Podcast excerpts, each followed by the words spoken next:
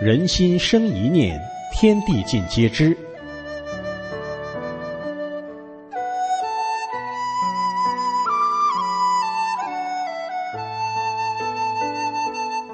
听众朋友您好，欢迎您收听明慧广播《善恶一念间》节目。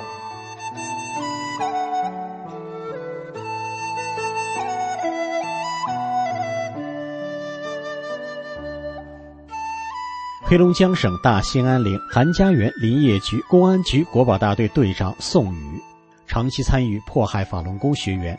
二零二一年十一月遭恶报，五十岁左右就得了脑梗。根据知情人说，现在已瘫痪。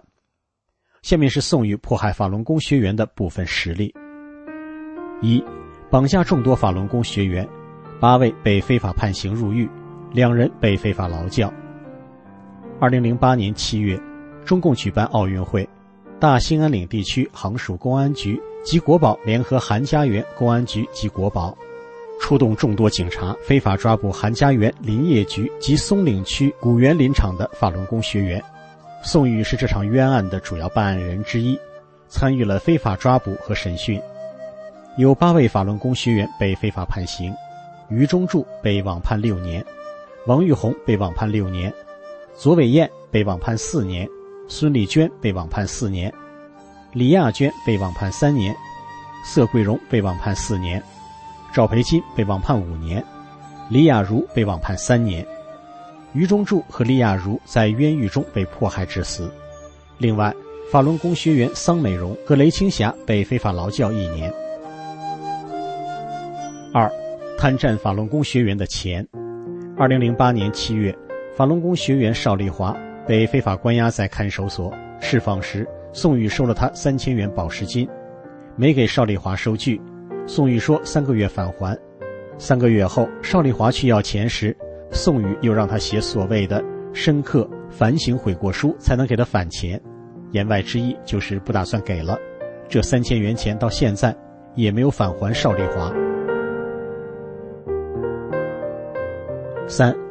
绑架构陷法轮功学员色桂荣和王秀波。二零一三年五月二十一日上午，法轮功学员色桂荣在坐出租车时，送给出租车司机两本名绘画刊。接着，有一个便衣警察上车，看到了这两本法轮功真相画刊。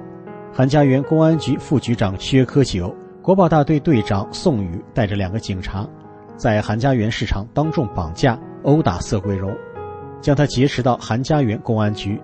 逼问资料来源，随即宋玉带着警察们到色桂荣家抄家，抄走不少私人物品。第二天，又绑架了法轮功学员王秀波，非法抄家，抄走了王秀波的电脑和打印机等物品。王秀波被非法关押到县看守所，色桂荣被非法关押在呼玛县看守所，在那里，色桂荣被迫害的精神恍惚。后来，色桂荣被宋宇等警察构陷。被大兴安岭韩家园法院误判四年，再次被劫持到黑龙江省女子监狱迫害，这给他的家庭和本人带来极大伤害。这次被非法判刑后，色桂荣被迫害致死。宋玉是这场冤案的主要办案人，色桂荣的死他负主要责任。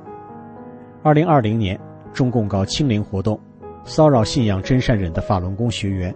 逼迫法轮功学员写放弃修炼法轮大法的所谓保证书等，宋宇参与其中。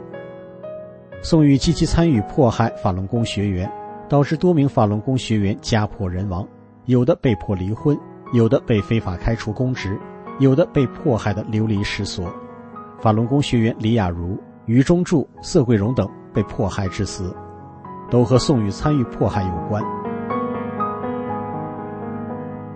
善恶有报是天理。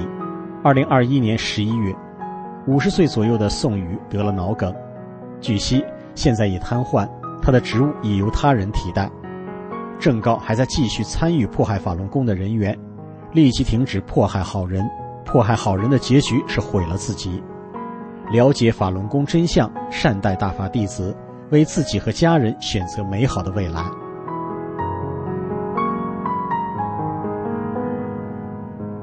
听众朋友，今天的善恶一念间就到这里了，感谢您的收听。